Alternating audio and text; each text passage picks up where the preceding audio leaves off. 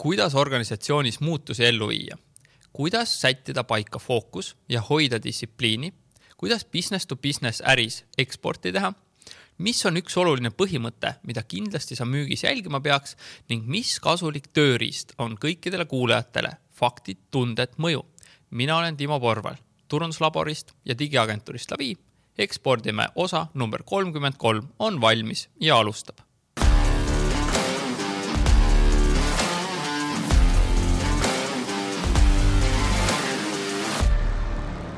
enne veel, kui läheme saate juurde, siis tule otsi Facebookist üles grupp Ekspordime ning tule sinna liikmeks, siis sa saad alati teada, kui uus osa ilmub.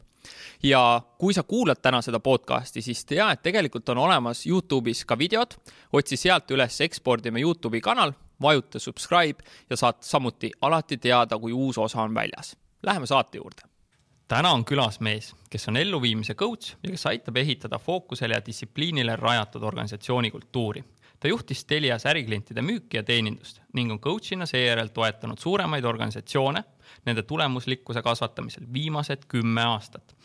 tal on kogemus suurel hulgal erinevate organisatsioonidega kümnes erinevas riigis, Euroopas ja Aasias. tema klientide hulka kuuluvad näiteks Telia, Helmes, Veriff, Bigbank, Bellus, Swedbank, Transferwise, Äripäev ja paljud teised ägedad tegijad. ta on olnud ettevõt-, ettevõttega Äripäeva topi võitja tal on ärijuhtimise MBA Estonian Business Schoolist ja juhtide coach'ina on end arendanud Londonis Academy of Executive Coaching. tema missiooniks on tõsta inimeste teadlikkust, aidates neil endaga paremat kontakti saada, et liikuda egosüsteemilt ökosüsteemile, parandamaks kogu terviku heaolu tema kohta jäetud tagasisidetest võib välja lugeda järgmist. Temaga koostöös hakkavad asjad päriselt juhtuma ja tulemusmõõdikud liikuma või kui sul on tunne, et ümberkorraldused sinu ettevõttes ei toimu piisava tempoga, siis tasub ta appi kutsuda või tal on suurepärane metoodika ettevõttele tegelikult tulu toovate tegevuste ülesleidmiseks ja elluviimiseks. tema moto on väga selge kasv võrdub fookus pluss distsipliin ja sellest kõigest me täna rääkima ka hakkame. tere tulemast Ekspordime podcasti, Eero Sikka. tervist, aitäh kutsumast. Tahad sa siia midagi täpsustada, lisada, parandada, jäi mul midagi siit tutvustusest äh, välja? ei, ei taha, kõlab liiga uhkelt isegi, et ei taha tagasihoidlikkus on voorus, nagu nad ütlevad. Äh, enne kui me teema juurde lähme, ütle, millised näevad välja sinu päevad ja nädalad ja kes sinu poole tavaliselt oma murede ja probleemidega pöörduvad, millist tüüpi ettevõtted? või kummast, kummast ma enne alustan, et äh, võtame siis, et kuidas päevad ja nädalad meil näevad, et, äh, et valdavalt äh, ma tegelen siis äh, mitte nii-öelda ühekordsete sutsat, sutsakatega, vaid pikemate programmidega. ehk et äh, mu päev on, päevad ja nädalad on umbes selliselt jaotatud, et äh, esimene nädalapool, ütleme selline esas, esmaspäev, teisipäev on rohkem sellised üks-ühele äh, ettevõtete juhtide toetamised, iganädalased nii-öelda üks-ühele koosolekud ja nii edasi. ja teine nädalapool tavaliselt siis kolmapäevast äh, reedeni on kõik sellised äh, täispäevad, kus ma siis tegelen noh, suuremate gruppidega, et et nagu me enne rääkisime, ma ei taha, ma ei taha öelda koolitus onju, aga et aga et tegeleme siis mingit tüüpi muudatuse äh, juhtimisega organisatsioonis on ju, mingi suurema grupiga, et, et siis umbes nii, et esimene nädalapool selline, sellised väiksemad tükid ja siis nädala, nädala teine pool suuremad tükid. ja millised äh, ettevõtted äh, sinu poole pöörduvad? mis need mured on tavaliselt? Võib-olla mis ettevõtted kõigepealt, et valdavalt muidugi ma tegelen B2B-ga, et ma B2C-st liiga palju ei tea, et kui me räägime, et mu kõik äri on B2B eluaeg olnud tegelikult, et aga siis valdavalt suuremad, on ka, on ka väiksemad, aga valdavalt ikkagi suuremad ettevõtted, selline ütleme kolmsada pluss, no Eesti mõttes yeah, suuremad onju, et rahvusvaheliselt kolmsada pluss on äh, SME onju mm. -hmm. et aga, aga, aga on ka noh, väga suuri, et Eesti mõistes sihuke kaks tuhat pluss äh, ettevõtted on ja, ja ka kaugemal. Ja aga ütleme, et mis sektorid on väga erinevad, et äh, tele, telekom, pangad, IT ähm, ka avalik sektor, erinevad müügiteenusettevõtted, et no tõesti väga palju erinevaid on ju mm. -hmm. ja millega sa neid äh, tavaliselt aitad, mis on? No valdavalt ma, nagu sa ütlesid, eks ju, et, et see fookus ja distsipliin on see, mis ma nagu, mis ma teen, et ma aitan siis seda organisatsiooni suunda sättida, et kas see suund on siis puudutab nii strateegiat äh, või, või seda konkreetsemalt fookust, noh strateegia on siis nagu pikaajalisem vaade, eks ju, see fookus on lühia, lühiajalisem selline tavaliselt ütleme, ta võib isegi olla kolm kuud kuni kaheksateist kuud, keskmiselt aasta perspektiiv. Et selle fookuse sättimine ja siis selle fookuse elluviimine, ega fookust, inimesed arvavad, et eesmärgistamine on keeruline teema, tegelikult eesmärgistamises minu jaoks midagi nagu keerulist ei ole, et see on lihtne. hoopis teine teema on elluviimine. ega PowerPoint ja Excel kannatab kõike teadaolevalt, igast asju võib kirja panna. hoopis teine asi on päriselt midagi ära teha, et mida mina teen, ma aitan organisatsioonidel neid üksikuid tähtsaid asju ära teha, et me valime kogu selle mudru seest mingi asja, mis on päriselt kõige tähtsam ja siis sellega mingi muutus saavutada näiteks aastases perspektiivis, et tavaliselt need programmid on siis pikad, et nad ei ole sellised äh, päevased või, või kuised, vaid pigem niisugune aastane äh, per ettevõte onju mm. -hmm. siis päriselt hakkavad asjad juhtuma ja muutuma. no sellepärast, et äh, ma ei tea, kas sa tead, et kui palju või kas sa julged pakkuda, et kui palju võtab aega, et inimeste harjumust, kas iseenda mingit harjumust muuta? ma julgeks pakkuda, et, et see päriselt sügavas sisimas nagu juurduks mingi kaks aastat jah, ütleme üks uuring, mis ma lugesin äh,, oli siis kuuskümmend kuni kakssada viiskümmend midagi päeva. ja miks see vahe on nii suur, on see, et inimesed on väga erinevad, onju. et see ühe jaoks võib olla võib-olla kaks kuud ainult, mõne jaoks ligi aasta või, või, või mis iganes. ja aga ühesõnaga mu point on see, et pigem on see pikk aeg, et üleöö ei muutu midagi ja sellepärast, et ühekordsed sutsakad, noh, need väga ei, töö, ei tööta, onju, et näiteks konverentsid või, või isegi see podcast on ju, et see on mm -hmm. äge asi, ta käivitab, on ju, aga sellest otseselt, et mm -hmm. sellest mingi käitumise muutus tuleks, noh pigem mitte, on ju, et sellepärast peab ikkagi olema mingi protsess, mis päriselt paneb meil ettevõttes või minul endal midagi teistmoodi tegema, on ju, et, et see on see, mis ma nagu teen, eks. kuidas see protsess käib, kui nüüd ettevõte tuleb sinu juurde, et kuule, Eero, aita nüüd meil see fookus paika sättida ja kuidas, kuidas siis see asi sealt edasi läheb kuni selleni, et päriselt me siis lõpuks viime neid asju ka ellu ja noh, tavaliselt on nii, et kõigepealt äh, ma üritan aru saada, mis üldse see väljakutse on ja kas ma üldse ise saan aidata, onju, et, et äh, ja, ja kui ma saan, eks ju, et siis me tavaliselt hakkab protsess sellega pihta, et äh, et noh, juhtkonnaga või väiksema seltskonnaga üritada siis see suund nagu paika panna ja, ja jällegi sõltub sellest, et mis, mis staadiumis see ettevõte või isegi avalik, avaliku sektori äh, organisatsioon on. Äh, aga aga jah, et kõigepealt see suund võib olla, et kus me nagu liigume, mis see pikaajalisem vaade on, eks ju, et näiteks ma tavaliselt isegi alustan sellest, et, et mis see missioon on, et see missioon minu jaoks ei ole selline nagu sõnakõlks või lihtsalt, et teeme missiooni selle jaoks, et midagi kuskile veebilehele panna või et äh, seina peale on ju, vaid pigem see päriselt peab nagu kõnetama. Ja, ja missiooni vaates on ka minu arust väga tähtis see, et äh, et see kuidagi ütleb, et kuidas meie päriselt maailma paremaks muudame, mitte lihtsalt, et selline egokeskne äh, kasumiahne nägemus on ju, et äh, teeniks palju pappi ja ruttu, mis õnneks hakkab, ma ütleks ka Eestis üle minema, see varakapitalistiks selline, selline, selline, sellised ilmingud on ju, et aga, aga et ja, ja see on nagu väga tähtis teema, eriti ma ütleks noorte inimeste värbamisel, kuna ma näen, et kui see, kui see missioon ei kõneta, need inimesed lihtsalt ei tule tööle, sa ei saa lihtsalt häid inimesi sinna ettevõttesse on ju, et kui, kui see, kui see ei kõneta. et hakkab sellest missioonist nii-öelda pihta ja siis äh, ütleme põhiväärtused või et äh, mis on see, kuidas me tegelikult äh, käitume, mis on okei okay,, kuidas, mille alusel me inimesi nii-öelda värbame ja ära saadame. mis on meie eristuvus, eks ju, kas me saame aru, eristuvusega tavaliselt on nii, et äh, inimesed arvavad, et nad teavad, mis see on, kui ma küsin siis juhtkonnas näiteks, et ütle siis, mis see on, onju, siis reeglina samad vastust ei tule inimeste käest, mis näitab, et sellega tuleb nagu tööd teha, et see ei ole väga selge. ehk et kuidas me õnnestume, onju, selles konkurentsitihedas valdkonnas ja mm, noh, siis see pikaajaline vaade, kus me tahame jõuda mingi aja pärast, on see kolm aastat või viis aastat on ju, ja siis läht-, sellest lähtuvalt see fookus, et mis on see fookus, mida me tahame saavutada näiteks siis sel aastal, kaks tuhat kakskümmend kolm. ja, ja lisaks siis sellele fookusele võib öelda, et äh, kusjuures tihtilugu mm,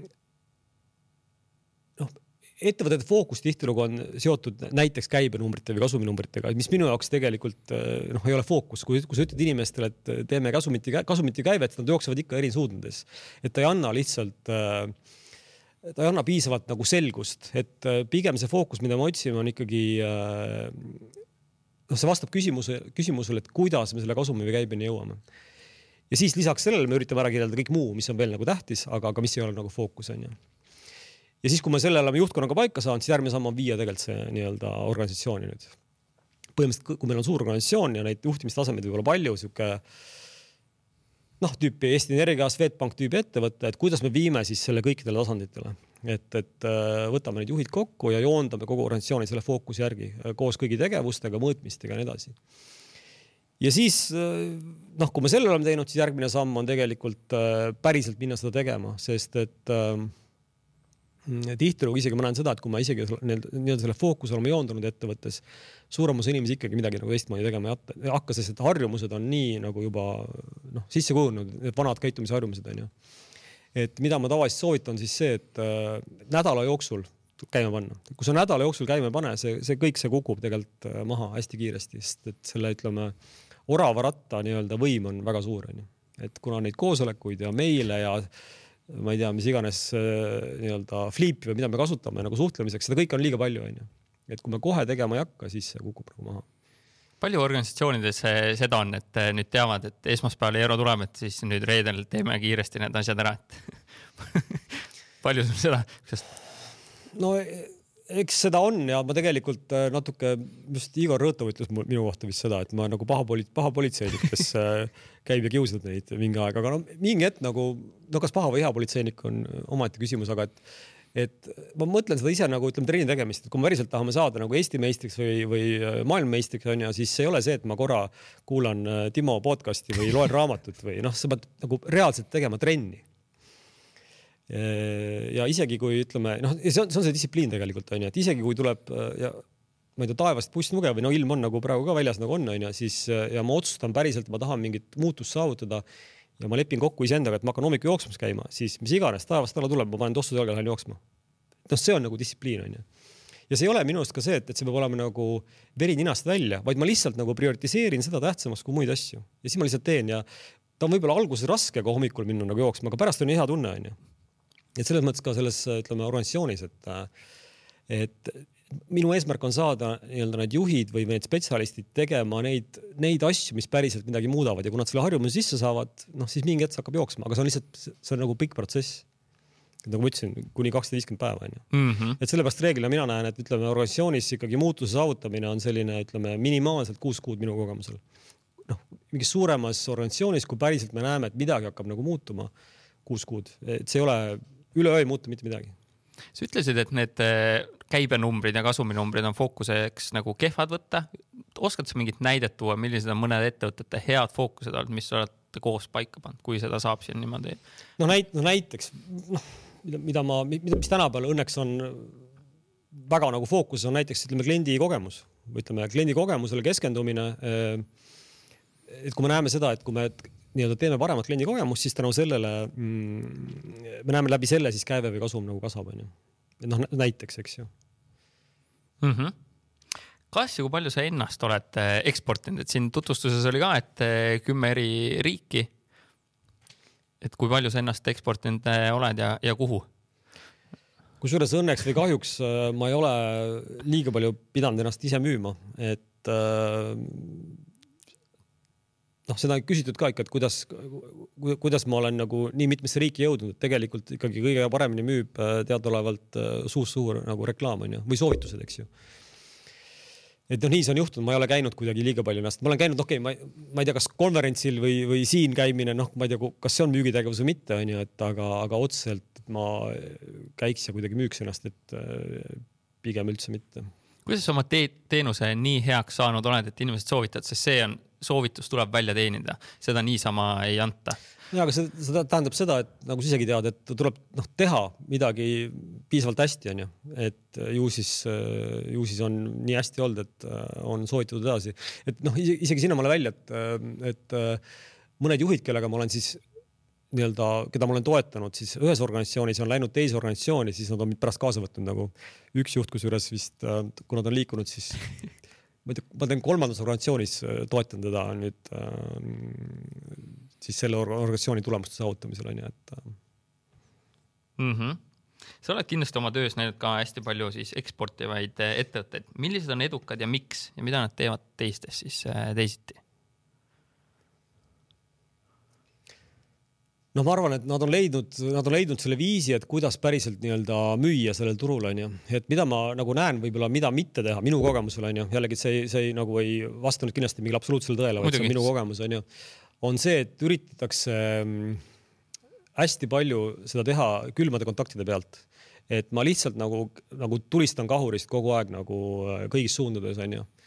ja sellel ja, ja noh, ja sinna pannakse nagu tohutu energia nagu meeletult tunde, et ma lihtsalt äh, ühe, ühe siin konkreetse ettevõtte vaates äh, mäletan, nad olid, oli teinud ise, see üks müügimees seal oli teinud tuhandeid kontakte vist ta luges kokku LinkedIni kaudu, tuhandeid, ma ei mäleta, mis see ajaperiood oli, eks ju. ja tulemus oli null. ütleme, kui räägime reaalselt realiseerunud mhm. case onju, aga lihtsalt meeletult nagu tulistanud onju ja kui küsida, et mis nüüd töötab, onju, mida ma läinud olen, on ikkagi läbi nii-öelda soojade kontaktide, et ja noh, sest eriti ikkagi, kui me oleme väike Eesti onju ja me tahame minna kuskile, noh, räägime kuskil Kesk-Euroopasse midagi müüma. minu kogemusel me oleme ikkagi sihuke Ida-Euroopa onju, väga keeruline. noh, kuigi ma võin marata ennast mis iganes, siis noh, tegelikult on see väga raske et äh, läbi soovituste, et ühtepidi, et noh, et keda ma ikkagi tunnen ja kuidas ma sealt nagu lähenen äh, sellele inimesele, eks ju, sellele C-tasemele või mis iganes tasemel inimesele. see on üks asi, teine asi, mis ma olen näinud, mis töötab, on siis see, et äh, et värvata, värvata, ütleme, inimene, kellel on tegelikult telefoniraamatus olemas äh, need kontaktid, onju et seda ma olen ka, ka, et töötab, onju. ja, ja võib-olla veel, mis, mis ma olen näinud, mis ei tööta, on äh, sihuke agendi mudel et me võtame mingisuguse partneri või agendi turu peal onju, kes peaks müüma meie asju. et tihtilugu nad on sellised nagu natuke nagu prostituudid onju, et nad vaatavad, kes rohkem maksab onju ja siis, kui sa liiga palju ei maksa, kuna mul on veel seal mhm. portfoolios mm -hmm. nagu veel kõiksugu sinusuguseid onju. noh, siis pigem ei tea, vaatan, kust lihtsamalt tuleb onju, et ta lihtsalt see panus, noh, sealt ei tule nagu tulemust, mina ei ole näinud mis töötab ikkagi, võtame inimese tööle, kellel on nagu piisavalt kontakte, äh, kes on ise nagu nii-öelda credible või mis eesti keeles hea sõna on, usaldusväärne onju ja siis tema kaudu tulemust saavutada, et seda ma olen näinud, et päriselt töötab. kuidas soovitusi oleks hea küsida? ütledki, kuule Eero, vii mind selle, ma vaatan, et tema võrgustikus on inimene, vii mind temaga kokku ja ja no üks on see, et nagu ma ütlesin, et kui ideaalis, et noh, et me võtame inimese, kellel on, ma ei mõtle lihtsalt LinkedInis kontaktid, vaid sul on telefonis kontaktid olemas, võtad kätte ja lihtsalt nagu küsid lõunat, onju aga jah, et aga väga hästi töötab ka see, ütleme, soovitav introde tegemine, et äh, tavapraktika, et ma ei tea, kui palju jällegi Eestis seda tehakse, ma ise kasutan päris tihti onju, aga et äh, või võib-olla ei ole tavapraktika nagu paljude vaates. aga räägi sellest, kuidas? no et kui ma, ma näen, et sina tunned kedagi näiteks LinkedInis onju, siis ma küsin, et Timo, ole hea, et kas sa saad meid kokku viia onju. et noh, meili teel või mis iganes ja võib-olla isegi anna mingi soovitus sinna kaasa onju, et mm -hmm. seda olen soovitanud väga paljudel teha ja olen näinud, töötab väga hästi onju olen muidugi, mis tasemel see kontakt noh, sellel inimesel on, eks ju, aga ju ta siis ise ütleb, kui see ei ole nagu piisavalt hea, onju mm -hmm. Al. alguses rääkisime ka, et eh, nendest muutustest, kuidas siis ikkagi ühtegi sellist ühte muutust siis organisatsioonis ellu viia, see on nagu väga keeruline, me mõlemad teame ka enda puhul iga uus asi, sihuke tõrge, vastumeelsus on ju, et noh, ongi näiteks juhil on soov, soov hakata eksportima, aga tiim ei ole vaimustatud noh, kõigepealt ma ütleks, see hakkab jälle nagu see Simon Sinek ütleb, et start with why on ju, et äh, miks meil üldse seda vaja on, on ju, et äh, et see nagu motivatsioon või see why nagu selgeks teha kõigepealt ja, ja järgmine samm on siis see nagu what on ju, et mida me päriselt tahame saavutada, et see oleks väga selge. et see fookus tegelikult tihtilugu minu kogemusel organisatsioonides liiga selge ei ole. et kusjuures ma ei tea, jälle julgelt pakkuda, et kui, kui minna küsida keskmises ettevõttes, et mis on meie ettevõtte kõige tähtsam fookus, palju panevad pihta protsendis? ma ei tea, niimoodi küsid viis suurusjärk on õige, on viisteist on keskmiselt, aga julged pakkuda, et miks nii madal? ma ei tea, arvatakse, et kõik on hästi, et me teame. Mik-, et küsimus, et miks inimesed, noh, et ja see ei ole, põhjus ei ole tihtilugu selles, et, et ei ole kellelgi kirjas, et juhil või kuskil ikkagi tavaliselt on kirjeldatud, onju. no võib-olla, et ei ole, aga suuremal juhul ikkagi ta kuskil nagu on. aga miks ikkagi ei teata? ma ei tea, see ei ole nende oma kuidagi. jah, ja miks ta ei ole nende oma? ma ei tea, nad ei usu sellesse jah, ja miks nad ei usu? Sest nendega ei ole räägitud seda Just, koos läbi. see on, see on, see on valdavalt kommunikatsiooni probleem, et tegelikult me lihtsalt ei kommunikeeri seda, seda what'i või seda mida, seda fookust piisavalt selgelt, piisavalt palju kordi, ehk et see kommunikatsioonireegel on mida ma olen siin juhtidele soovitanud meeles pidada, on, et seitse korda, et vähemalt seitse korda pead sa rääkima ühte asja, et inimestele meelde jääks, onju. kui tihti? iga, iga esmaspäev? põhimõtteliselt igal... mina ütleks seda, et iga nädal tagasi tulla selle juurde, mis on päris kõige tähtsam, nagu päriselt kuna kõik seda muud on niikuinii liiga palju, siis ei ole, see on väga okei okay tulla tagasi kogu aeg sinna, mis on kõige tähtsam. mäletan, mul oli sellega üks äh, selline juhus, et selle seitsme korra reegliga, et kui ma ühe juhiga, ettevõtte juhiga sellest rääkisin, siis ta ütles, et ta jättis selle meelde. siis, kui ta kolmandat korda rääkis seda fookust oma inimestele, siis äh, hakkas juba endale meeldima, mis ta rääkis, onju. ja siis viienda korra pealt keegi oli öelnud, et kurat, see on tuttav juht, jutt, et ta on vist enne ka rääkinud seda, onju mhm et, et see ükskord rääkimine ja see tundub võib-olla isegi juhtidele selline, et ega me lasteaias ole, et ma räägin ära kvartali või. targad inimesed. no saavad ju, ma olen kõik targad inimesed tööle võtnud, mida me nagu korrutame, onju.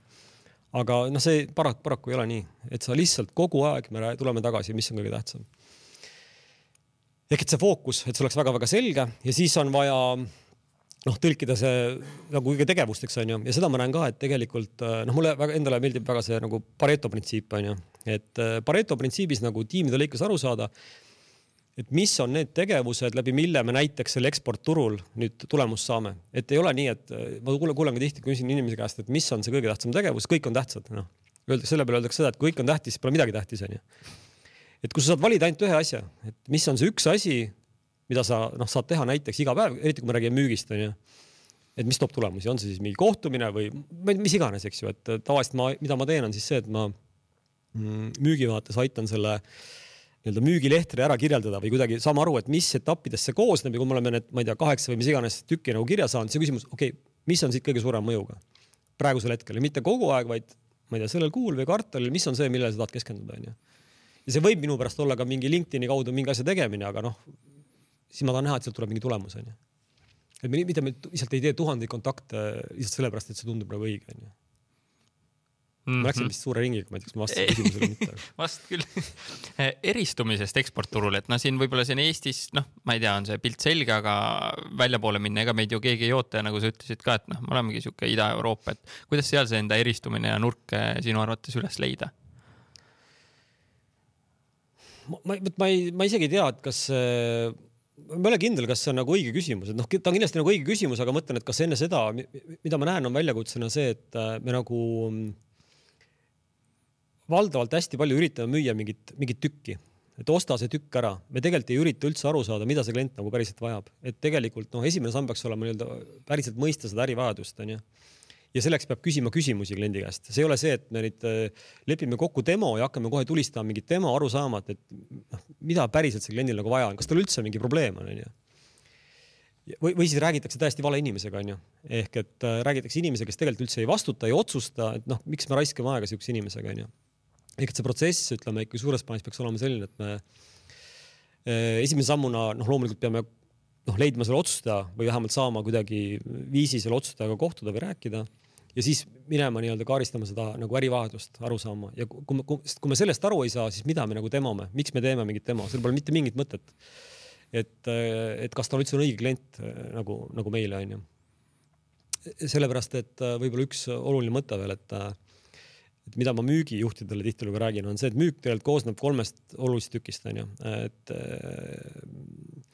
et on siis selline asi nagu, nagu äriline IQ ehk et ma päriselt nagu mõistan seda äri või ma oskan küsida juhi käest õigeid küsimusi. et ma näen ka seda, et tihtilugu noh, pannakse äh, C-taseme, ütleme juhiga vastamisi väga juunior müügimees, kes tegelikult ei ole temaga, noh, sa kolme minutiga saad aru, et sorry, noh, meil ei ole nagu millestki rääkida, et sa ei ole minu levelil ja noh, see see ei vea nagu välja, onju. sa pead aru saama, et kas sa, kas sa oled see inimene, kellele ma üldse vastan neid küsimusi, mida sa minu käest küsid, onju. Ja siis sa pead oskama neid küsimusi küsida. et teine pool, üks on see IQ, teine on siis EQ et ma oskan nagu hästi kommunikeerida, ma suudan naeratada nagu rapoor, kontakt, kuidas see kontakt seal tekib, onju et mitte, et ma olen nagu teadlane, tean küsimusi, aga tegelikult ma ei oska nagu seda kommunikeerida, onju.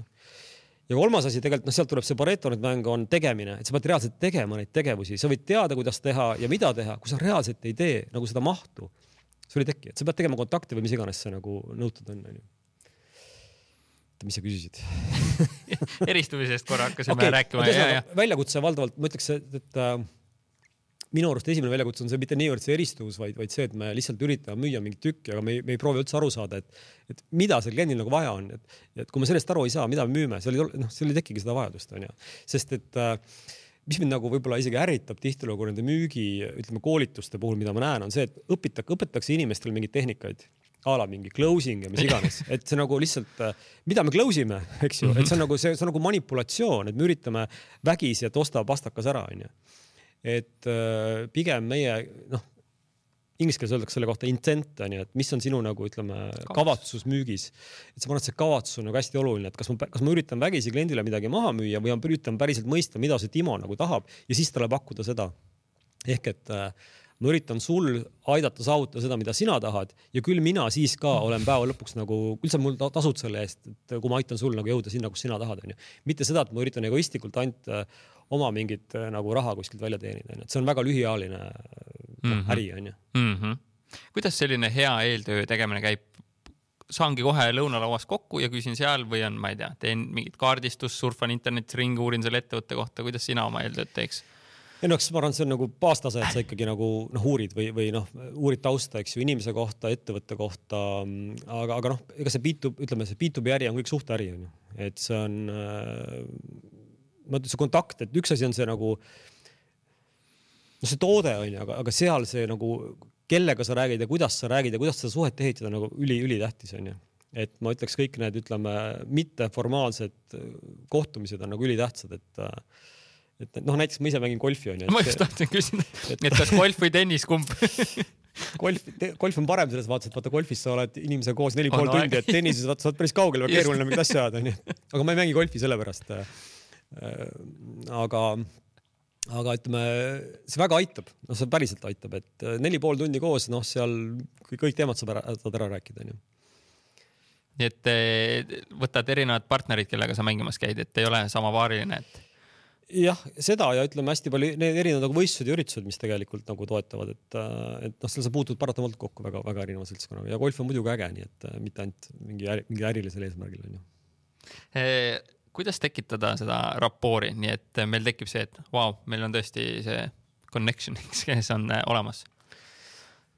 ma ei ole selle peale võib-olla liiga, liiga palju mõelnud, aga ma arvan, et äh, prooviks nagu leida seda ühisosa et vaata nagu noh, kasvõi see, et kui me läheme nagu noh, mida ma olen ise müügimeestel rääkinud, ma olen noh, Telias kunagi vedasin suurkliendi nagu äri onju ja ja siis ma ka ütlesin, et, äh, et kui sa lähed sellesama juhiga, lähed nüüd sinna kohvimasina juurde, et noh, et, et kuidas seda vestlust nagu veereta, mis küsimusi küsida, näiteks, et uh, uurida tema hobisid onju.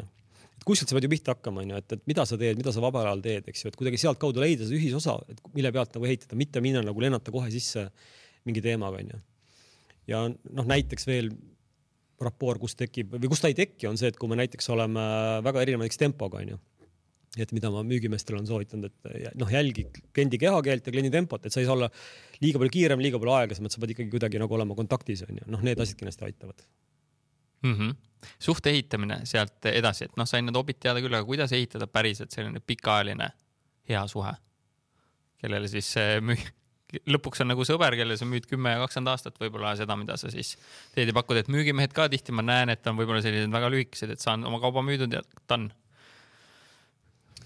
no, noh, nagu ma vist ütlesin ka, et ma arvan, et see, see, see peab, see mõte, ütleme, see kavatsus peab olema ikkagi see, et ma päriselt nagu üritan luua mingit väärtust, onju, et, et sealt peab tulema see, see, et see ei saa olla, noh, loomulikult peab olema ka win-win, onju aga eelkõige see mõte peab olema see, et ma päriselt nagu üritan aidata ja päriselt tahan mõista ja toetada ja, ja selles mõttes see kaotus peab olema nagu õige. et noh, sealt hakkab see asi pihta, et kui seda õiget ei ole, siis tegelikult äh, ma arvan, väga raske nagu õnnestuda, et siis ta päeva lõpuks ikkagi, tähendab inimesed näevad läbi, isegi kui sa ei ütle seda välja, see intent on näha, mida sa üritad nagu, nagu teha, et see kehakeel ja kõik see räägib, et sa nagu intuitiivselt mõistad, mida see inimene tahab. ma arvan, et see on nagu A ja O. et ma noh ma olen teinud ka, ütleme selliseid B2B äh, nagu müügiprogramme onju. Ja ma lasen kusjuures inimestele ära nagu kirja panna müügimeestele, et mis on sinu kavatsus müügis onju, et sa pead nagu ise nagu ära mõtlema enda jaoks ja kirja panema, et mis see on. Ja siis ma olen soovitanud seda, et enne kui sa nagu piltlikult öeldes koputad kliendi ukse peale, et sa tuletad meelde, et mida ma nagu päriselt siin teen onju. et see eesmärk ei ole nagu mulle endale nagu äh, nagu palka teenida, vaid pigem aidata kliendil nagu õnnestuda onju, et midagi sinna suunas peaks olema see, see mõtteviis kogu aeg onju mis sa veel eh, selliste programmidega müügijuhtidele kaasa annad? mis seal ne nende sellised peamised takistused on? müügijuhtida mm? -hmm. no ma arvan, et kõige suurem, tähendab tihtilugu nagu ma ütlesin, võib-olla oodataksegi mingisuguseid nagu tehnikaid, onju, aga ma ütleks, et see, et see kavatsus tegelikult on tähtsam kui mit, mis iganes nagu tehnikad, onju, et äh, et inimesed tegelikult ikkagi nagu mõistavad ja tahavad nagu sind aidata isegi nagu sind kui nagu müügimeest, onju et, et see tehnika nagu pole nii tähtis kui päriselt see, et ma nagu üritan nagu aru saada, mõista ja aidata, et ma arvan, võib-olla see, see mõtteviisi nagu muutus on nagu kõige tähtsam asi, mitte mingi tehnika, tehnikad on kindlasti ka, et seal on erinevaid, ütleme näiteks äh,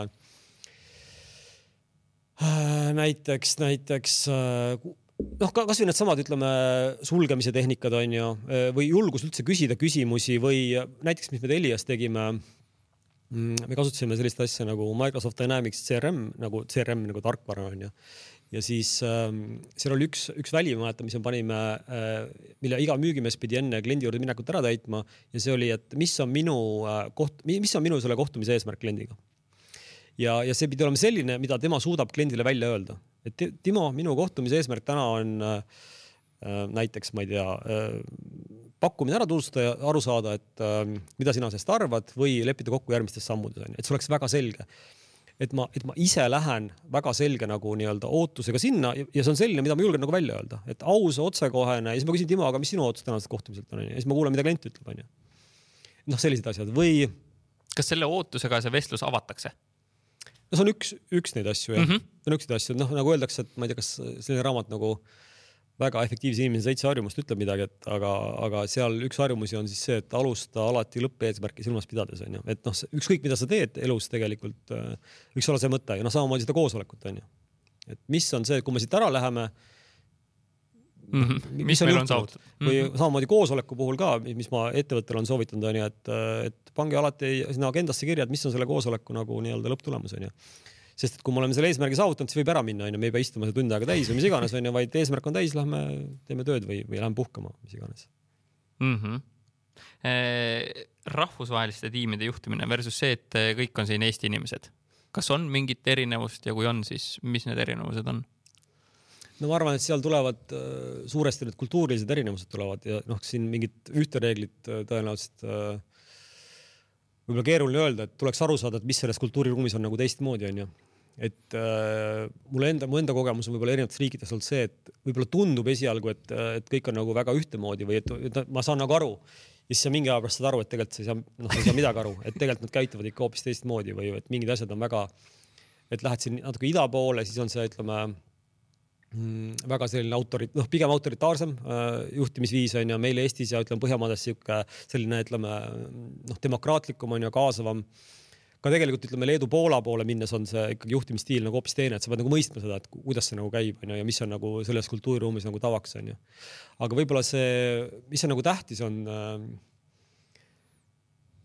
et ma mäletan kuskil ma, kuskil konverentsil ka kuulasin, äh, räägiti siis, et äh, miks on näiteks Jaapani ja Ameerika nagu kultuurilised erinevused, erinevused nii suured onju, et, et miks ameeriklased on nii otsekohesed ja ütleme, sellised väga, ütleme äh, ekstravertsed pigem, eks ju, võrreldes jaapanlastega on siis see, et sinna mingi hetk kogunes kokku, eks ju, nii-öelda selle kuidas me siis nimetame seda, äh, peale Kolumbust on ju äh, väga erinevad, väga erinev nagu kontingent inimesi Ameerikasse on ju.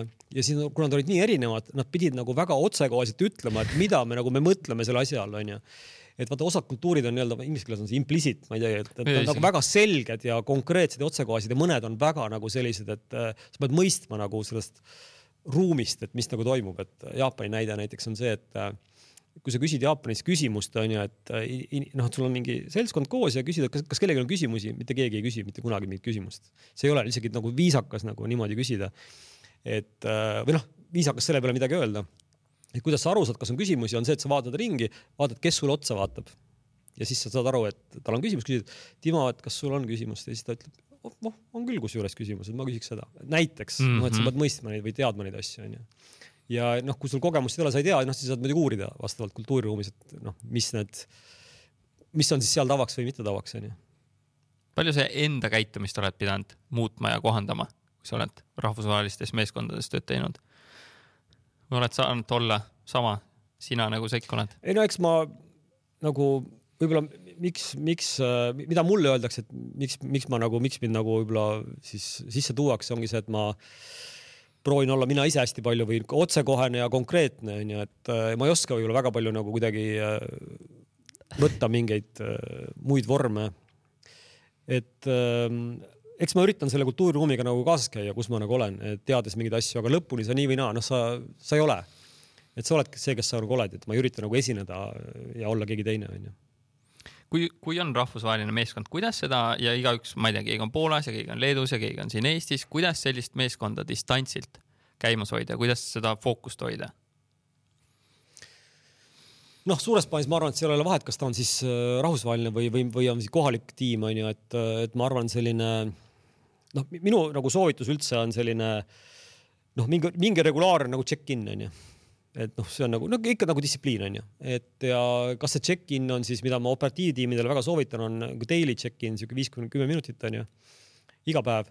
Eh, kus me, kus me räägime sellest üle, et eh, Timo, et mis sa tegid eile ja mida sa, mida sa teed nagu täna ja mina jagan samamoodi onju, kusjuures ma olen isegi personaalselt seda teinud omaenda eesmärkide saavutamisel, nii et mul oli isegi mitte nagu sõber, vaid tuttav inimene, me leppisime koos kokku, et me helistame, helistame hommikul kell kaheksa mis, kus iganes me oleme, autoroolis, mis iganes, mina ütlen, mida mina teen täna oma eesmärgi saavutamiseks ja tema ütleb, mida, mida, mida tema teeb. ja kusjuures väga ebamugav on nagu teist inimest alt vedada selles vaates, et kui ma ei tee seda, mida ma nagu lubasin. et see daily check-in on tegelikult väga hea nagu ütleme tööriist ja see ei ole pikk. Noh, sellepärast öeldakse selle kohta stand-up on ju, et me pigem isegi ei peaks nagu istuma, et vaatame üle ja see ei ole nagu arutelu, see ei ole ajurünnak on ju. me tegime ja mida me teeme, mis me tegime, mida me teeme, ainult olulisele fookustele aga noh, see võib olla ka nagu nädalane check-in on ju, et äh, kus me siis käime üle nädala taktikalised teemad on ju, jällegi mitte, ma ütleks äh, strateegilised teemad. pigem sihuke operatiiv ilma, ilma ettevalmistuseta, et äh, see ei ole nagu pigem selline suur mingi arutelu koht on ju. et võib-olla üks asi, mida ma, mis ma näen, et et mida inimesed ei ole väga hästi juhid nagu läbi mõelnud, on see üldse see, ütleme noh, koosolekute nagu kord või et mida me, kus ja kuidas me nagu juhime, et kõik on niisugune nagu natukene ad hoc on ju, aga et võib-olla läbi mõelda, üks hea raamat näiteks on äh, Patrick Lencioni on kirjutanud raamatu Death by meeting või et surm läbi koosoleku, iseenesest hea raamat, et, et siis ta räägib, neli erinevat varianti koosolekuid, üks on niisugune daily check-in, siis on nädala oper, operational, kus me vaatame taktikalisi küsimusi, niisugune kuuskümmend minutit, siis on igakuine strateegiline, kus me pigem arutame noh, mingeid ütleme konkurents ja kuidas me õnnestume ja mingid teeme rohkem niisugust ütleme ajurünnakut, äh, vaidlust ise on selline kvartaalne kontorist väljas, kus me võib-olla teeme meeskonnatööd ja selliseid asju onju, et aga jällegi, nagu läbi mõelda, et kuidas mina nagu tahan, et, et see juhtimine juhtuks. et olenemata, kas nüüd on see tiim on nüüd rahvusvaheline või, või lokaalne, noh, mingi süsteemsus peaks seal minu arust olema kaua te tuttavaga sellist kõne tegite või teete siiamaani? ei tee. ma arvan, et see oli ka sihuke suur kolm kuud, midagi sellist, mingisuguse eesmärgi saavutamise, saavutamise nimel mm -hmm. või siis. aga see kõlab ikka väga hea ideena, millegipärast pole üldse kunagi selle peale mõelnud võid mhm. testida, et äh, väga hästi töötab, et võime omavahel teha, kui tahad. väga hea mul kohe võttis põhjad värisema praegu eh, sa ütlesid, et sa oled business to business müügis. Eh, kuidas business to business müük erineb business to customer, et minu arust nagu kõik on justkui nagu inimestevaheline müük, et kuidas sa seda erinevust kirjeldaksid? vaata, ma ei ole B2C-s väga pädev, onju, et ma ei oska selle teemal rääkida, aga ma ütlen, B2B on puhtalt ikkagi suhte business onju, et, et see suhte ehitamine nagu kõigepealt, et ja ütleme, kas see noh, piltlikult öeldes golf või mitte golf, aga ütleme kõik see nagu muu asi sinna otsa, et sihuke ka ütleme, ma päriselt nagu tunnen huvi ja, ja, ja käin lõunal ja ma tahan nagu teda aidata, et ja räägin ka muudel teemadel onju või, või kuidagi. ja tihtilugu ma näen ka seda, et need inimesed, kellega ma seda noh, kellega ma siin seda koostööd teen, ma, ma, ma nagu suhtlen nendega nagu muidu ka või paljudega ma olen nagu sõber või, või me käime, ma ei tea, koos reisil või mis iganes, et see nagu ja see on hästi äge. et, et see, et on nagu lihtsalt noh, võib-olla seda siis öelda, et äh, päeva lõpuks need teemad ei ole üldse tähtsad tegelikult, need, need tööteemad. ega surivoodil keegi ei mäleta, et oleks võinud veel ühe kuramuse toote eksportida või veel ühe koosoleku teha, mitte keegi ei mäleta, ma ütlen, see Telia aeg ka, kui ma ise Telias töötasin, töötasin ma ei mäleta neist äriteemast nagu suurt väga midagi, onju.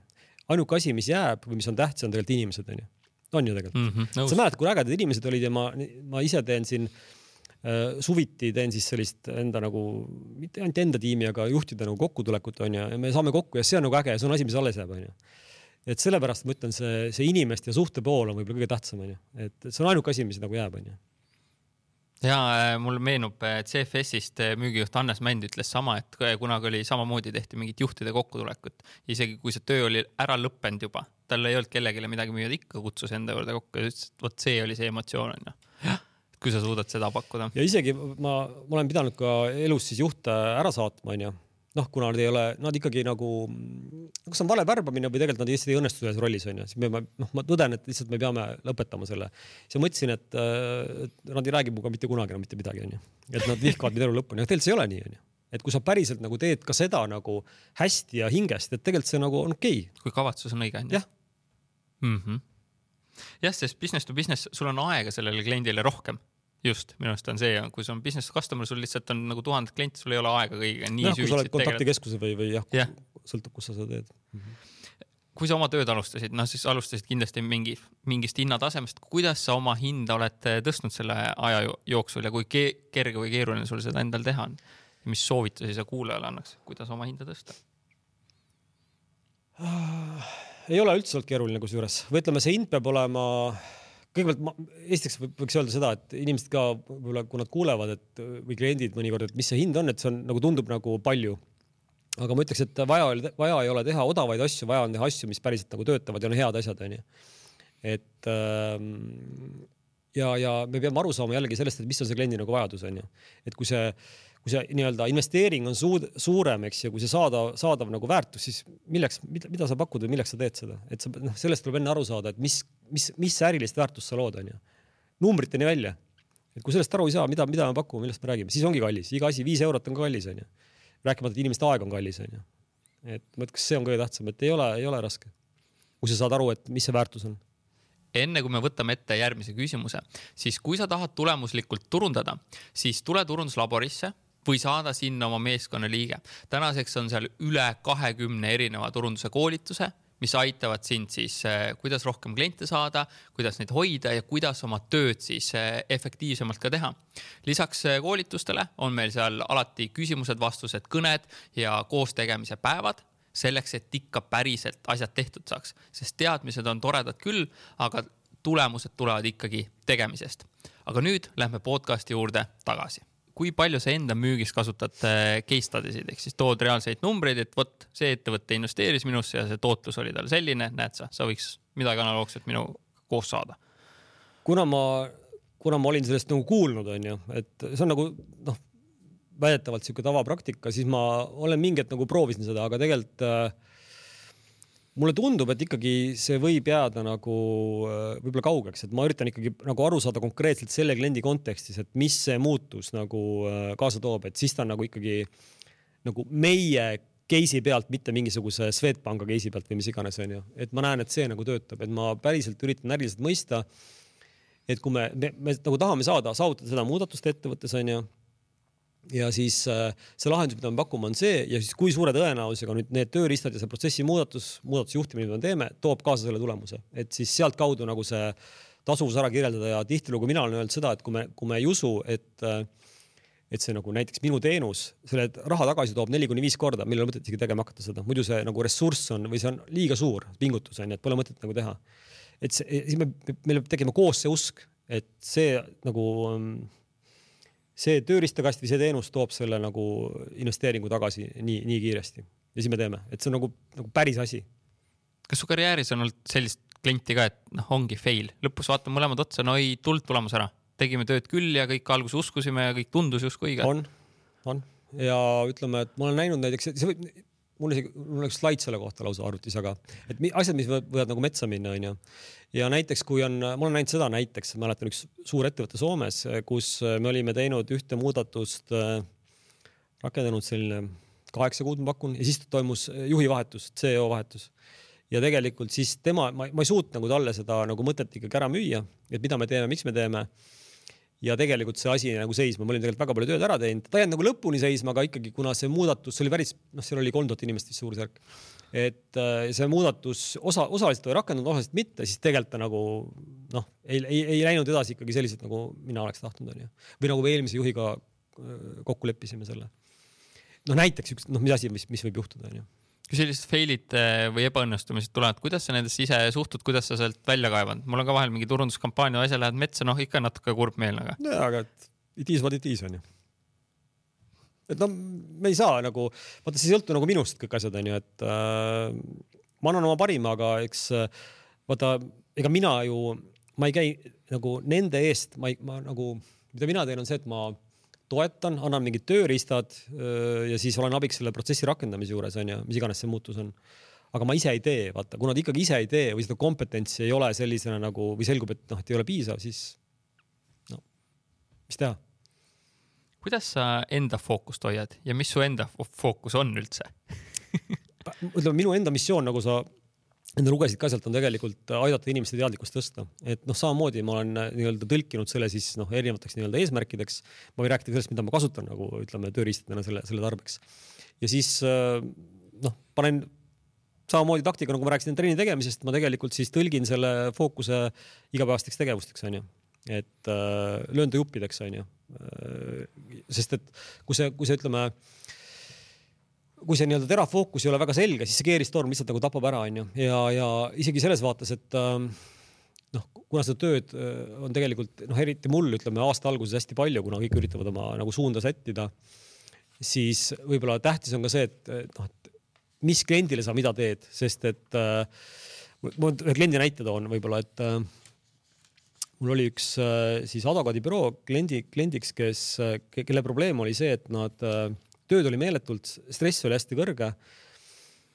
Ja väljakutse oli siis see, et olulised asjad, neid suuri kliente neil ei olnud, nende väljakutse oli see, et hästi palju oli siukseid väikseid a la tuhande euroseid mingeid case'e, mis tõmbas neid täiesti nagu umbe, onju ja siis äh, me saime aru, et selleks, et jõuda päriselt nende suurte klientideni, tuli hakata nagu midagi teistmoodi tegema. ja siis äh, noh, kaasa arvatud ei ütlema nendele väikestele asjadele ja siis oli, mäletan, me juhtidega istusime ja üks juht küsis, et äh, oota, mis see tähendab, et me hakkame nüüd nendele asjadele ei ütlema, mis sisse tuleb? ja vastus on jah peame hakkama ei ütlema ja see võib olla täitsa sihuke asi, et noh, et ja mul samamoodi, et ma ei suuda neid kõiki asju ära teha, mis mis nagu sisse tuleb, siis ma pean seal ka prioritiseerima, onju, ütlema ei mingitele asjadele, mis võib-olla mõnedel inimestel täitsa kontraintuitiivne onju et aga kõiki asju ei jõua teha.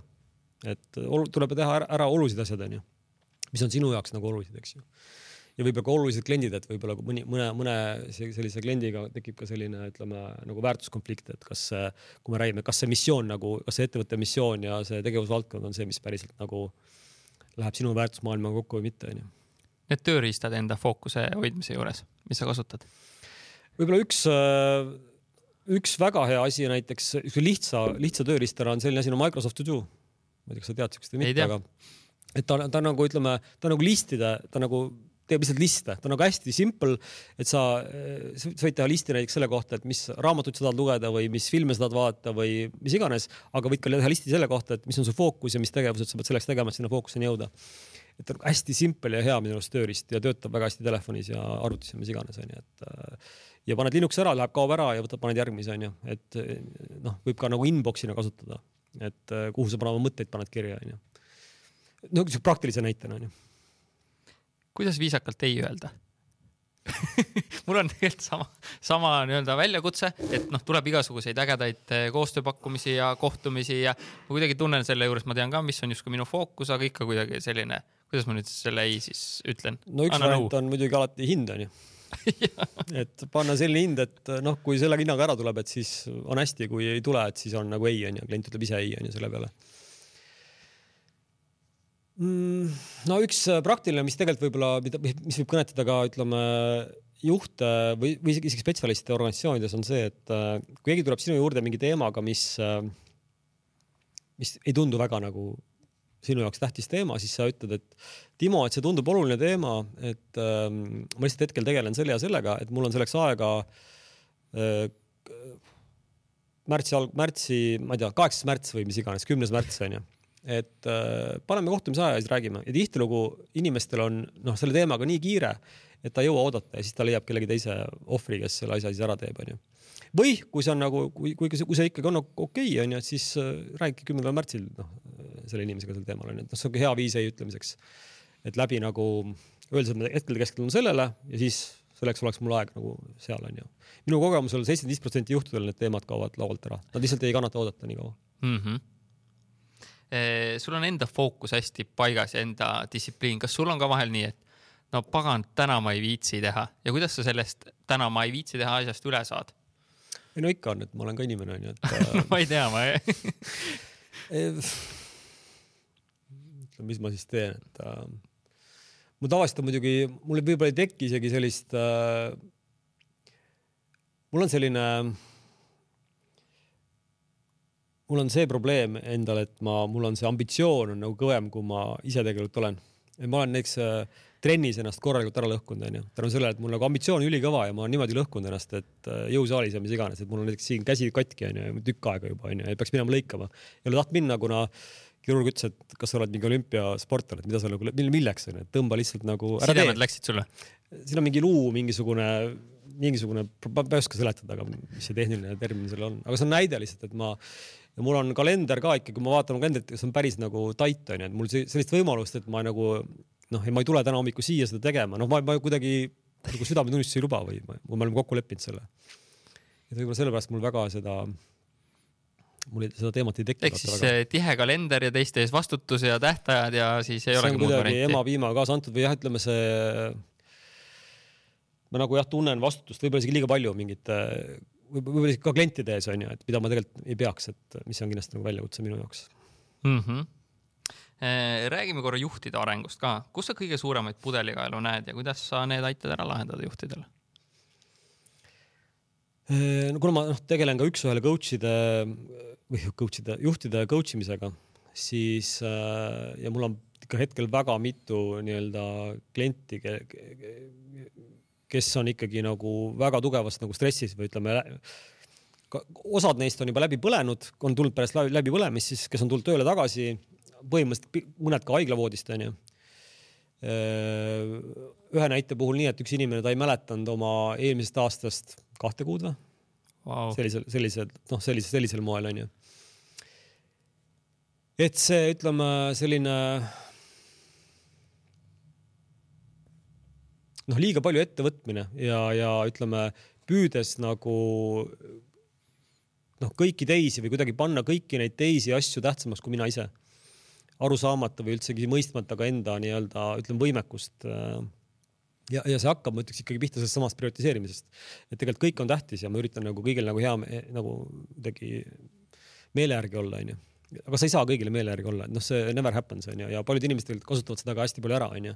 et ma näen ka organisatsioonides, tegelikult väga palju ka startup ides ma näen seda, et äh, võetakse noored inimesed tööle äh, ja siis tõmmatakse nad korralikult ribadeks, nii et äh, Covidi ajal ma siin noh, toetasin ka päris mitut nagu startup'i suurt ja inimesed siis nägin, kuidas, kuidas nad töötasid, onju, et hommiku tööpäev hakkas seal mingi mis iganes üheksast pihta, onju.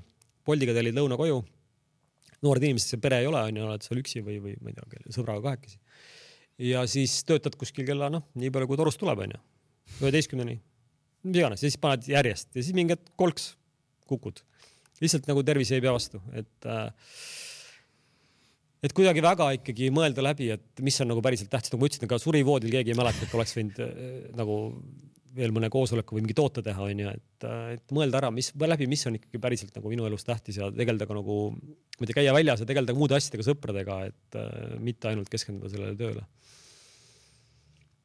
et me võime mõelda küll, et me oleme hästi võimekad, aga no päriselt äh, nagu pingutada või ütleme sisuliselt tööd teha üle kaheksa tunni päevas, noh, doesn't happen, et äh, noh, pole enda pealt ka ei noh, ei usu, kuigi võib-olla tunne on, et nüüd veel teen, aga no tegelikult, tegelikult see tulemus ei ole ju see onju. Pole vist väga jätkusuutlik ka, et noh, nädala või kuu me mõlemad suudaks niimoodi pingutada, aga. et sealt see tekibki noh, see, see, see pingutus kestab nagu väga pikalt onju. et ja tihtilugu, kuna, kuna see pingutus on nii suur et siis nad jällegi nagu oma kogemuse pealt kuulates, mida kliendid räägivad, et, et, et kas ta muud elu väga ei olegi, et ta teebki ainult tööd, onju. nagu ainult tööd ja sul isegi väga seda mingit noh, sõpradega noh, pole ju aega väljas käia, sest et tööpäevad on nii pikad. aga, aga eks need teemad, kus need nagu pihta hakkavad, on tihti nagu sügavamad kui ainult ütleme see, vaid et see, et seal taustal ikkagi on mingi lapsepõlv ja, ja kuskilt see nagu tuleb, et siis tuleb nagu noh, enda jaoks mõista, et mis, mis, mis see tegelik taust on ja mida ma siis muudan, sest nagu öeldakse, väidetavalt Einstein ütles vaata, et et tehes samu asju, samu tegevusi, ootad teistsuguseid tulemusi, on hullumeelsuse tundemärk onju. paraku väga paljud inimesed ettevõttes üritavad nagu kogu aeg sama teha, et samu asju oodates teistsugust tulemust, no ei juhtu. kuidas see üks-ühele coaching käib, ma saan aru, et sa seal oled väga palju selline psühholoogi rollis või? no coaching iseenesest ei ole muidugi mingi teraapia onju, aga ma olen, ma olen ka õppinud muidugi teraapiat ka veel äh, Taanis äh, instituudis, aga ütleme, coaching ikkagi pigem on siis, ma ei tea, kas sa tead, mis vahe on coaching, coaching ul ja mentorlusel? kas mentor vist ütleb mulle, mida teha, coaching justkui küsib ja proovib need vastused minu käest kätte saada seest? mentor on ikkagi mingis vallas nagu spetsialist, ekspert kes siis jagab oma kogemust ja siis sina teed oma, kuulad, mis tundub mõistlik ja hakkad tegema järgi neid asju, onju. aga coach on siis pigem see, kes siis äh, nii-öelda juhib protsessi, et ta küsib neid küsimusi, ta ei pea üldse olema selle valla ekspert. et aitab sul jõuda siis sinu poolt soovitud nagu tulemuseni, mis iganes see on ja loomulikult, et kui sul on need enda lahendused ja eesmärgid, siis see tegemise rõõm on hoopis teine ja vastuvõtmine on hoopis teine, et muidu see on see, et Timo soovitas mingit asja mulle, tundus kahtlane teema, aga no Timo soovitas, ma tegin, onju. aga, aga jah, see võib olla see, et see tulemus ei ole üldse ja vastuvõtmine on hoopis teine, eks ju aga ütleme, protsess on siis, äh, et jah, et äh, tavaliselt kestab, kestab kuus kuud see coaching'u protsess ja ja me üritame aru saada või et noh, üritan aru saada inimese käest, mis see fookus on või kuhu ta tahab jõuda, mis see muutus on, mida me saavutame. kuigi ma ütleks võib-olla kolmveerand juhtudel see muutus või see fookus tegelikult nagu muutub, sest et see asi, millega me alustasime, ei ole tihtilugu see, mis on päris teema või millega me lõpetame, et see tavaliselt teema on palju sügavam, kus me tegelikult nagu jõuame. sest inimene isegi tihtilugu ei julge võib-olla või ta isegi ei pruugi teada, mis see probleem on, mida ta päriselt lahendab. siis see, selle protsessi pikkus keskmiselt sihuke kuus kuud, iga kuu kohtumine, kus me siis üritame selle noh, jõuda sellele eesmärgile nagu lähemale, onju, läbi selle, et ta ise lahendab oma nagu teemasid, onju. aga ta ei ole nagu ikkagi, ta on pigem on ikkagi selline, ta on coaching, mitte siis ütleme teraapia, onju mm. -hmm kuidas ma juhina näen, et minu see ebakompetentsuse piir on nüüd äh, kätte jõudnud ja peaks kuskilt väljaspoolt kedagi sisse võtma või minema samamoodi coaching usse või leidma mentori endal? no tihtilugu ma ütleks, inimesed tunnevad ära selle, et nagu just justkui mingi plokk on nagu ees või et äh, et nagu siit noh, selliselt enam ei saa nagu, nagu ma täna olen, eks ju, ja, ja, ja ja see väsitab mind või ma tahaks nagu mingit muud väljakutset ja ma ei tea, kuhu edasi ja ja sellised stressiilmingud, eks ju, ja noh, depressioon ja noh, või sellised, midagi sellist, eks ju. ja võib-olla ettevõtte juhtide vaates on, miks, miks, miks mul mit, mitmed kliendid on ettevõtte juhid, on see, et vaata, kui sa oled keskastme juht, siis sul ikkagi on kellegagi rääkida, eks ju, noh, ülespoole ka, sul on kellegagi põrgatada oma asju. ettevõtte juht, sul ei ole mitte kedagi, sa oled üksi seal, onju. et sul on vaja, lihtsalt vaja kedagi, kellega nagu, nagu kasvõi peegeldada neid teemasid, onju ja sellest aitab, ma tihtilugu isegi ei pea seal ise väga palju äh,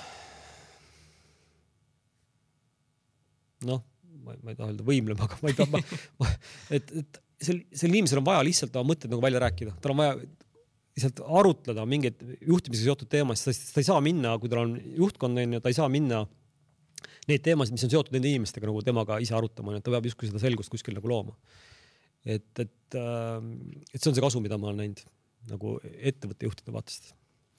Rääkisime siin äh, läbipõlemisest ka, mis need läbipõlemise märgid on ja kuidas sinna auku mitte kukkuda, kui lähedal sa seal ise käinud näiteks olen käinud, noh, ma ei tea, kas nüüd läbi põlenud täitsa vist mitte, aga olen äh, kunagi, kui ma siin äh, töötasin, üks klient oli Kasahstanis, teine oli Soomes, kaks tükki samal ajal oli suured, suured nagu ettevõtted onju. siis ma lendasin, no ajavahe oli ka veel vist viis tundi suurusjärk mäletan seda, et mingid päevad olid sellised, ma tegin siis ühe workshopi tegin ära ala seal Almatas onju ja siis õhtul panin teise veel, panin Soome otsa mingisuguse pooliku päeva.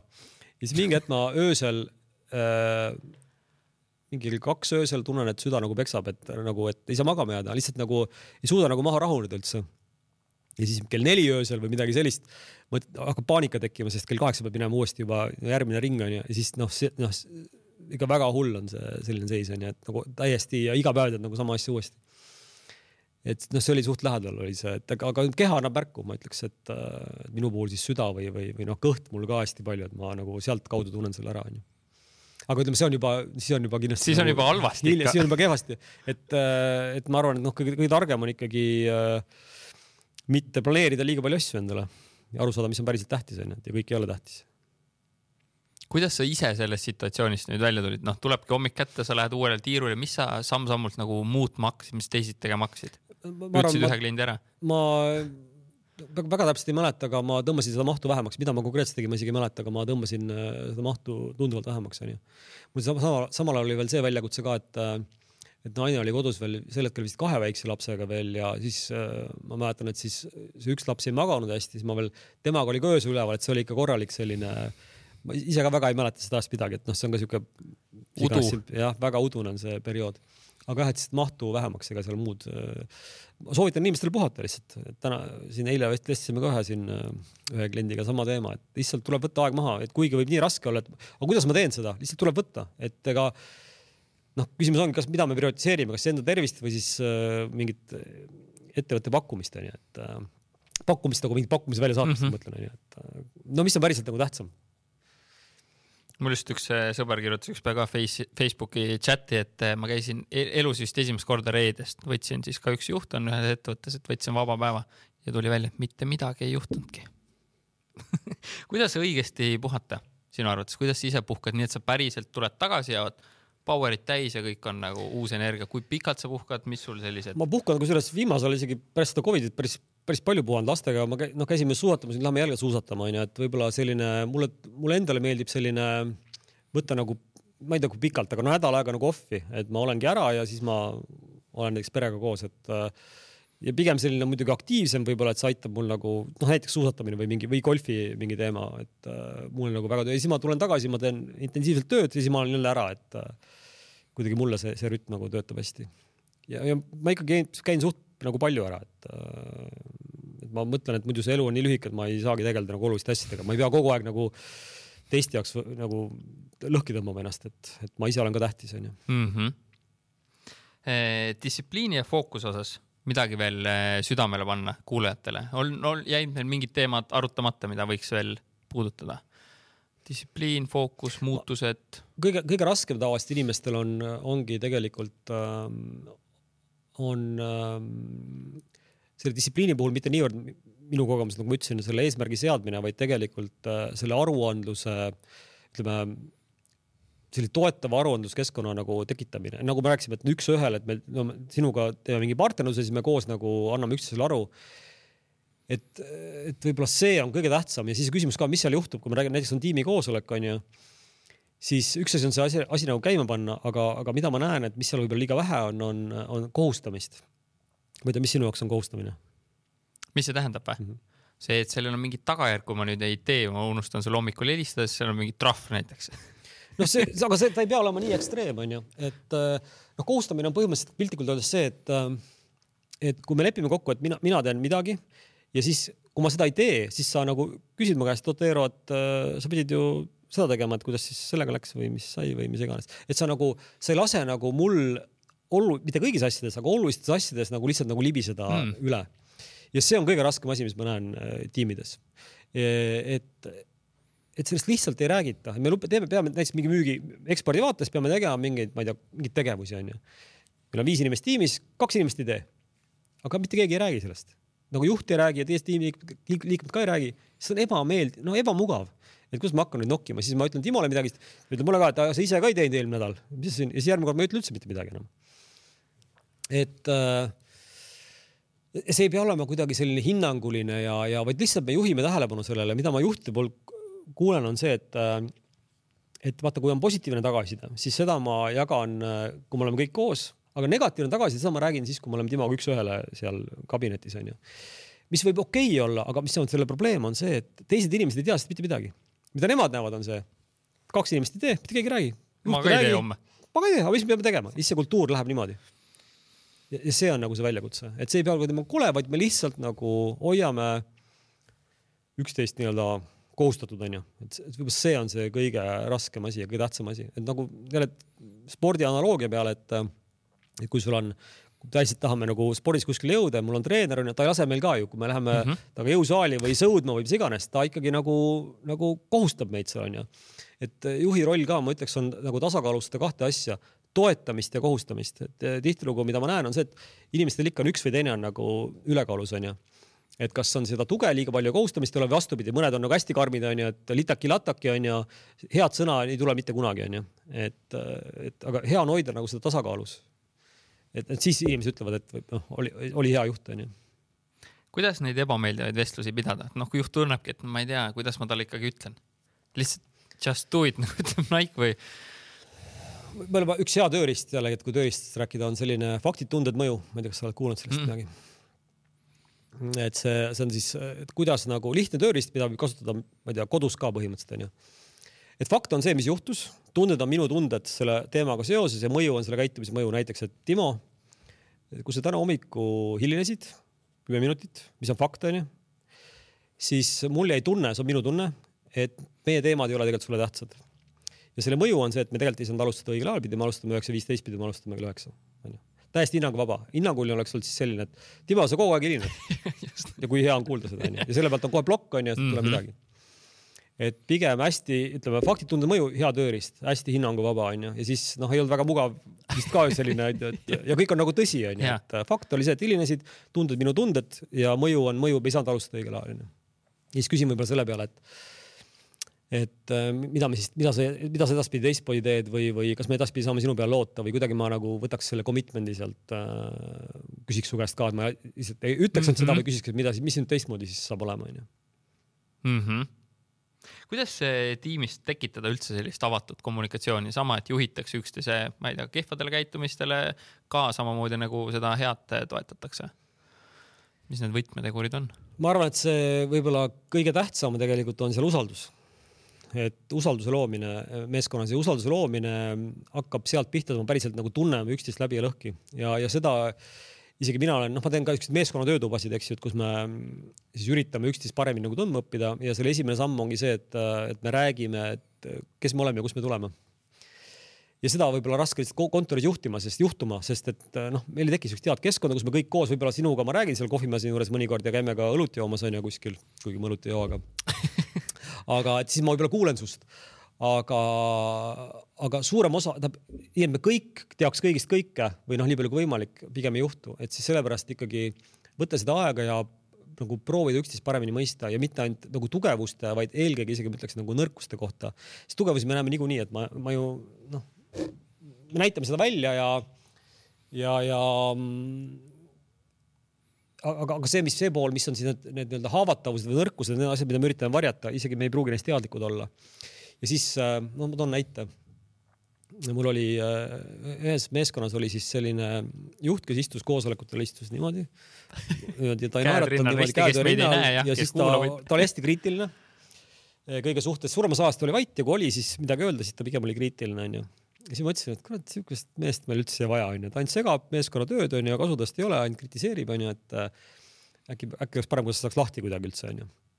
Aga siis me tegime mingi sarnase ürituse, kus me nagu, kus ta rääkis oma lapsepõlvest ja me tegime ka, noh, selle jaoks on ka erinevaid nii-öelda nagu teste, näiteks Belbin või disk või mis on sellised käitumuslikud tugevuste testid, et sa saad aru tegelikult, et et mis rolli keegi siin meeskonnas kannab, onju, tema, ütleme, Belbini järgi näiteks tema oli siis äh, Äh, hindaja, kes on üks väheseid rolle, kes mõtleb, onju.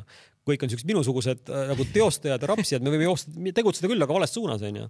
sul on vaja inimesi, kes päriselt mõtlevad ja on ka kriitilised nagu selle suhtes, mida me teeme, onju. ja kui sa saad aru, et kust ta tuleb, et ta tuli hästi konservatiivsest perekonnast, onju et sa nagu mõistad palju paremini, sest meil kõigis tegelikult see päris mina on seal kuskil olemas ja, ja e, aga sa, see välja paistab võib-olla ainult selline kest selline kest ja see noh, see sibulakoor võib olla hästi, seal on hästi palju erinevaid kest, kesti, mis tegelikult äh, moonutab seda pilti. Ja ma tegelikult, ma olen nii palju, ütleme, tabanud, kui hinnanguline ma olen ja kui, kui tegelikult, kui valesti ma inimesi nagu mõistan, onju, et, et siis sellise ütleme selles meeskonnas selle usalduse loomine, üksteise mõistmine nagu A ja O, sealt hakkab see kõik pihta tegelikult onju, et kui, kui me vaatame, et mingi tiim ei suuda nagu äritulemusi saavutada, siis tegelikult me astume sealt nagu mitu sammu allapoole ja vaatame, et mis seal nagu päriselt toimub. eriti kui, kui sa oled nagu, lähed väljast sisse meeskonda, tegelikult väga hästi näha, kui sa oled juhatuse koosolekul kuskil onju, sa näed kohe ära, et siin mingi jama on siin sees onju täpselt ei saa aru võib-olla, mis see on, aga saad aru, et siin on mingi probleem onju. inimesed saavad ise ka aru, aga tihtilugu nad nagu, nad on aktsepteerinud juba seda probleemi Seero ongi sihuke kogu aeg, noh, ta on, me aktsepteerime seda, onju. et me nagu, et meil on üks okas, aga me seda okkaga nagu ei tegele, me käime kogu aeg ümber selle okka põhimõtteliselt, onju, natukene, aga siis selle, noh, selle teemaga saab tegeleda, kui me tahame, onju. ja see, see teeb seda tegelikult väga-väga palju paremaks. kas ma oleks pidanud midagi veel küsima, mida ma ei küsinud?